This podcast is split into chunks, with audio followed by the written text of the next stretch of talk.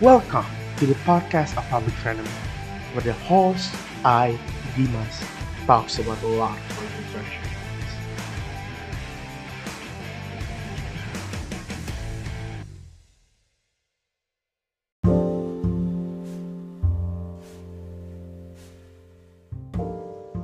Hi all, welcome back to the podcast of Public Frenemy with your usual host here, Dimas. Hah. Aku tuh lagi-lagi tuh bukan tipe orang yang bakal ngatur sesuatu kalau aku ada keresahan gitu. Dan aku ngerasa keresahan yang sangat dalam sekarang. Dan keresahan ini adalah keresahan yang aku juga sebenarnya punya sebelum aku buat podcast ini gitu. Dan keresahan ini itu adalah tentang keresahan mengenai uh, sensitif banget isu ini sebenarnya rasisme. Oke. Okay. Disclosure, aku ngerasa semua tindakan rasisme itu adalah tindakan yang gak bener, jahat, dan gak berperi kemanusiaan. Oke, okay? aku rasa kita harus sudah establish itu di awal supaya nggak ngireng aneh-aneh dari pendapat-pendapat aku. Nah, tapi yang ingin aku sampaikan itu sebenarnya bukan, oh ini sangat ini sangat buruk, ini sangat buruk. Enggak, karena itu harusnya udah obvious orang-orang kalau misalnya itu itu sesuatu yang buruk. Cuman saja mungkin um, mereka ada tekanan mungkin, atau mungkin mereka ada tujuan tertentu ketika mereka melakukan aksi itu. Atau sekedar nilai aja gitu yang ditumbuhin dari dulu kalau uh, orang yang warna kulitnya berbeda atau orang yang warna kulitnya lebih gelap ya kalau dalam kasus rasisme biasanya. Itu tuh adalah orang-orang yang kurang superior. Um, aku sebenarnya mau ngebahas ini takut-takut juga sih. Karena kayaknya akan banyak yang disagree sama aku di kasus ini jadi untuk ngasih background um, belakangan ini tuh bukan belakangan ini ya, tapi aku juga baru tahunya hari ini gitu. Uh, ada konflik orang berkulit hitam. Aku nggak mau ngasumsi India dari mana ya, tapi ada orang berkulit hitam itu tuh di uh, pergi ke warung, ini kronologisnya. Jadi dia tuh pergi ke warung, terus uh, dilaporin oleh penjaga warungnya kalau dia tuh ngeganggu. Oke, okay? dia tuh ngeganggu, terus um, di aku nggak tahu deh entah dilaporin entah, entah atau gimana pokoknya sampai datang salah satu oknum berseragam uh, berseragam yang didanai oleh pemerintah itu ya uh, dua orang dan langsung kayak menghakimi aja gitu. Nah anehnya anehnya daripada dipandang sebagai ini sebuah bentuk inkompetensi dari seseorang ini tuh dipandang sebagai isu rasisme dan aku punya beberapa alasan kenapa aku merasa ini adalah kasus rasisme again kasus rasisme itu sangat fakta Contohnya seperti kasus um, yang bilang kalau mohon maaf ya, aku cuma mengutip aja uh, monyet kepada orang-orang yang tidak mau mengibarkan bendera itu. Uh, ya orang yang tidak mau mengibarkan bendera itu yang kebetulan orang Papua dan itu mereka tuh dibilang monyet tuh. Aku masih inget banget kasusnya. Dan itu memang rasisme yang sangat kental, sangat kental. Atau juga ketika ada orang yang bilang uh, jangan pilih pemimpin Cina gitu itu juga isu rasisme sangat kental. Dan aku tahu kalau itu rasisme karena itu memang menyangkut banget soal ras gitu. Bahkan kalaupun kita nggak bahas, bahas rasisme, keberagaman itu tuh memang jadi isu yang menjadi tantangan gitu. Ketika kita hidup dalam keberagaman, maka untuk menyatukannya, untuk menghormati satu sama lain itu akan menjadi suatu challenge sih menurut aku. Dan itu juga yang terjadi di kasus sekarang ini. Baru-baru um, ini kasus yang terjadi adalah kasus yang aku bilang di awal tadi ya. Dan ya aku mesti nggak ngerti kenapa orang langsung ngasumsi ini adalah kasus yang um, fokus kepada ras. Padahal kalau kita ngelihat kinerja ataupun kita ngelihat track record, semua beberapa beberapa oknum berseragam itu tuh nggak akan takut-takut untuk uh, menggunakan kekuasaan mereka. Mereka nggak abuse power mereka. Jadi mereka bukan aja nge-abuse power mereka ke orang berkulit hitam, akan tetapi juga nge-abuse power mereka untuk maintain their power for the sake of maintaining their power. Misalnya deh, misalnya ada orang nih, ada orang, lu kan gagah banget nih, lu gabung se sebuah kelompok yang bersenjata itu pasti karena mau terlihat gagah kan, mau ada powernya gitu. Jadi ketika ada orang yang ngelapor ke lu atau lu ngelihat ada orang yang merasa tertindas gitu, atau ada orang yang apa ya pokoknya memerlukan bantuan lu deh yang bisa buat lu gain power gitu maka lu akan ngelakuinnya. Dan itu bukan for the sake of anything gitu tapi karena for the sake of power aja biasanya. Karena mereka tuh orang-orang yang sangat ingin power gitu. Um, dan kebetulan keterima gitu. Karena uh, itu sedikit off topic ya karena kebanyakan orang-orang yang ngelakuin crime itu sebenarnya juga mereka memiliki um, isu kepada power gitu. Tapi sayangnya mereka tuh dari dulu tuh nggak punya power sampai besar pun nggak punya power akhirnya mereka ngelakuin crime yang bisa buat mereka merasa powerful gitu. Nah tapi kalau di kasus ini ya kebetulan mereka dari kecil udah punya power dan sudah bisa punya power gitu. Um, dan ya dan mereka tuh pengen show off itu sekarang bayang, bayangin nih nih misalnya ada orang terkuat di dunia gitu. Terus ada yang bilang bang bang ini warungku diganggu bang sama dia bang. Masa aku bilang enggak. Gitu. Masa aku bilang enggak sih. Nggak mungkin aku nggak bilang enggak. Iya nggak? Ya nggak? Itu common sense aja gitu tapi lagi-lagi aku nggak benerin ya cuman aku pengen analisis saja kenapa ini tuh sebenarnya bukan kasus dari dari ras itu sendiri kalau kita baca dari kronologi langsung ya kita nggak tahu pikiran orang dan sangat jelek untuk ngasumsiin kalau ini adalah uh, kalau pikiran dia tuh rasisme gitu dan uh, itu yang pertama oke okay? karena mereka tuh orang-orang yang sangat ingin power tapi yang kedua kalau kita lihat track recordnya, mereka itu, juga orang yang bangsat kepada semua orang. Ya? Mereka tuh gak cuman jahat uh, ngelakuin hal ini ke satu orang. Tapi kalau lu lihat uh, waktu lagi demo, waktu um, waktu ada pengeroyokan itu, tahu sih kayak pengeroyokan pengeroyokan terhadap pemuda itu yang banyak banget tuh oknumnya tuh. Sampai tujuh atau enam tuh, lempar-lempar bangku. Nah, itu tuh mereka tuh juga ya memang begitu ke semua orang gitu bukan cuma ke satu orang aja karena mereka mau nunjukin powernya karena mereka ngerasa punya power yang tinggi dan mereka mau nunjukin powernya gitu.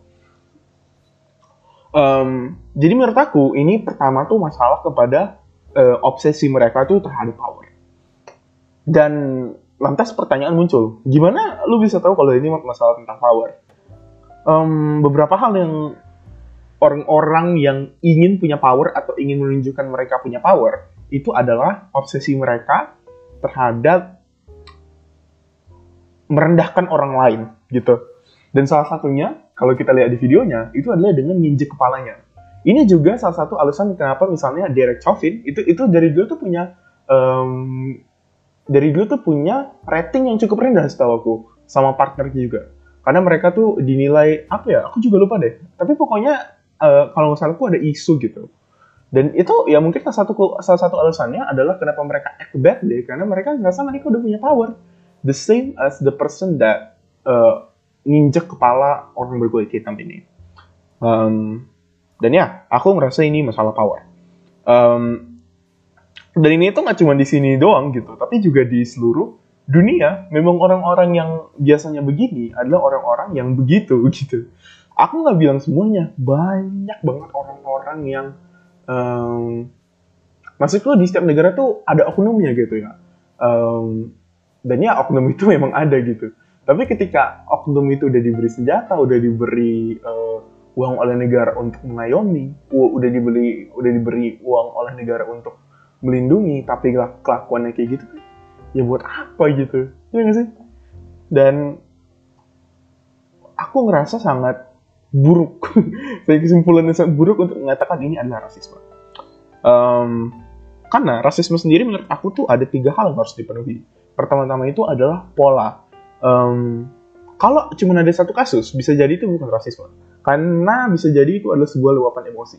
Lu pernah sih kayak uh, ngomong sama orang yang kurang cerdas gitu. Terus karena emosi banget, udah emosi banget nih. Kok nggak ngerti dia ya gitu. Ih, nggak ngerti ya dia ya. Terus lu akhirnya dengan bego gitu gimana kalau dia memang bego betulan gitu gimana kalau dia memang bodoh beneran gitu gimana coba nggak tahu kan um, dan uh, ya salah satu rasisme itu adalah pola gitu. Jadi kalaupun kejadian ini berlangsung maka kita harus lihat lihat pola-pola sebelumnya dari dia. Apakah dia sering ngelakuin ini? Kalau iya rasisme. Dan aku nggak akan setuju sedikit pun. Aku nggak akan ngebela sedikit pun dengan itu.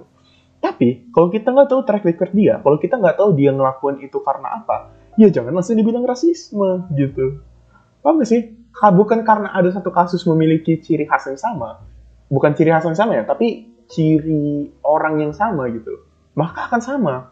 Enggak, karena setiap manusia itu kompleks banget.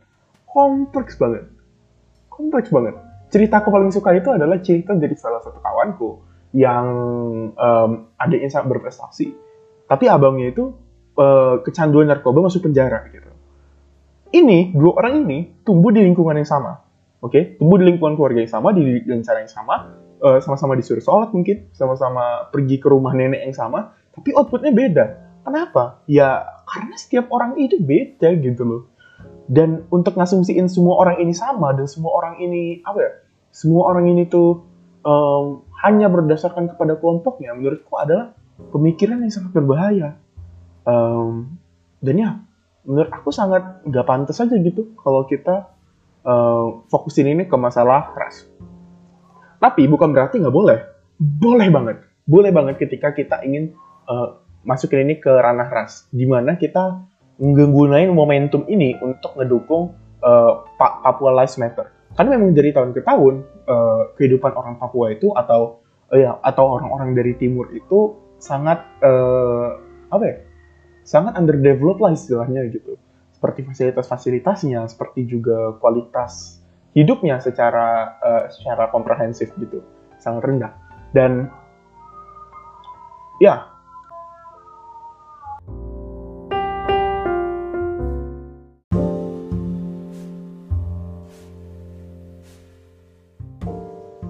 Hi all, welcome back to the podcast of Public Frenemy with your usual host here Dimas.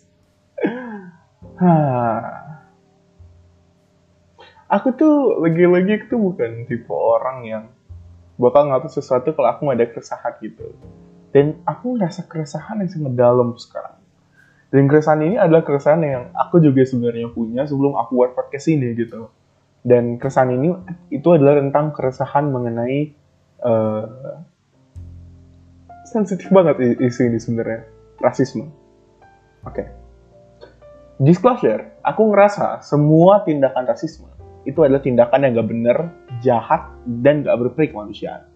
Oke, okay? aku rasa kita harus sudah establish itu di awal supaya nggak ngireng aneh-aneh dari pendapat-pendapat aku.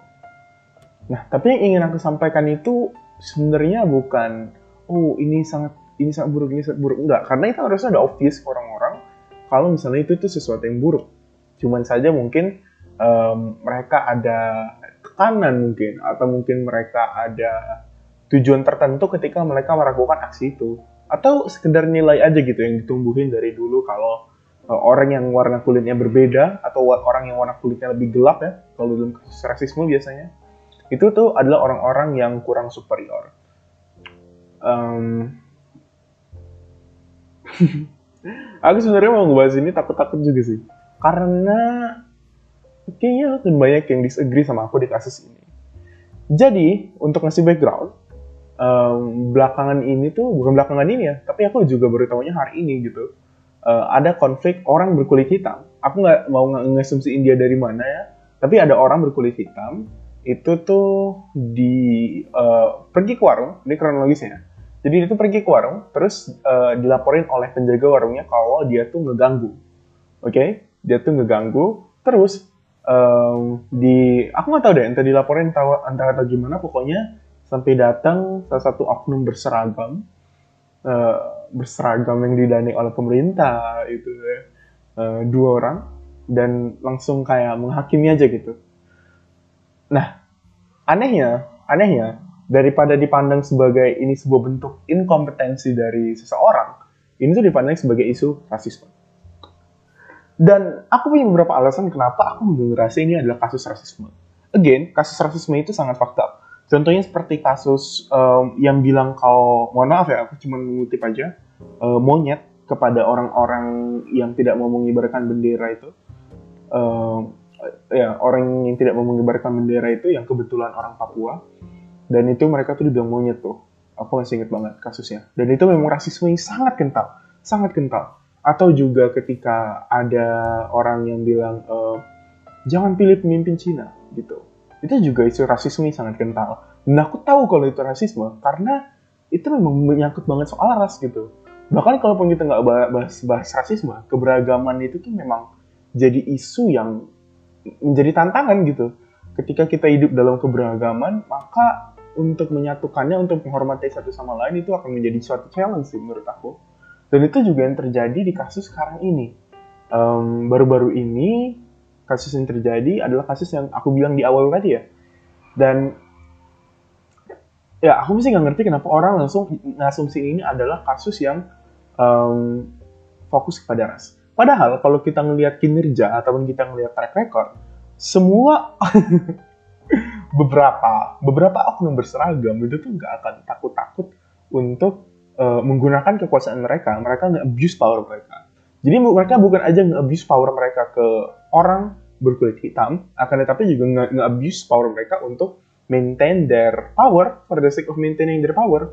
Misalnya deh, misalnya ada orang nih, ada orang, lu kan gagah banget nih, lu gabung se sebuah kelompok yang bersenjata itu pasti karena mau terlihat gagah kan, mau ada powernya gitu. Jadi ketika ada orang yang ngelapor ke lu atau lu ngelihat ada orang yang merasa tertindas gitu, atau ada orang yang apa ya, pokoknya memerlukan bantuan lu deh yang bisa buat lu gain power gitu, maka lu akan ngelakuinnya.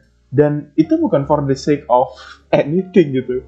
Tapi karena for the sake of power aja biasanya. Karena mereka tuh orang-orang yang sangat ingin power gitu.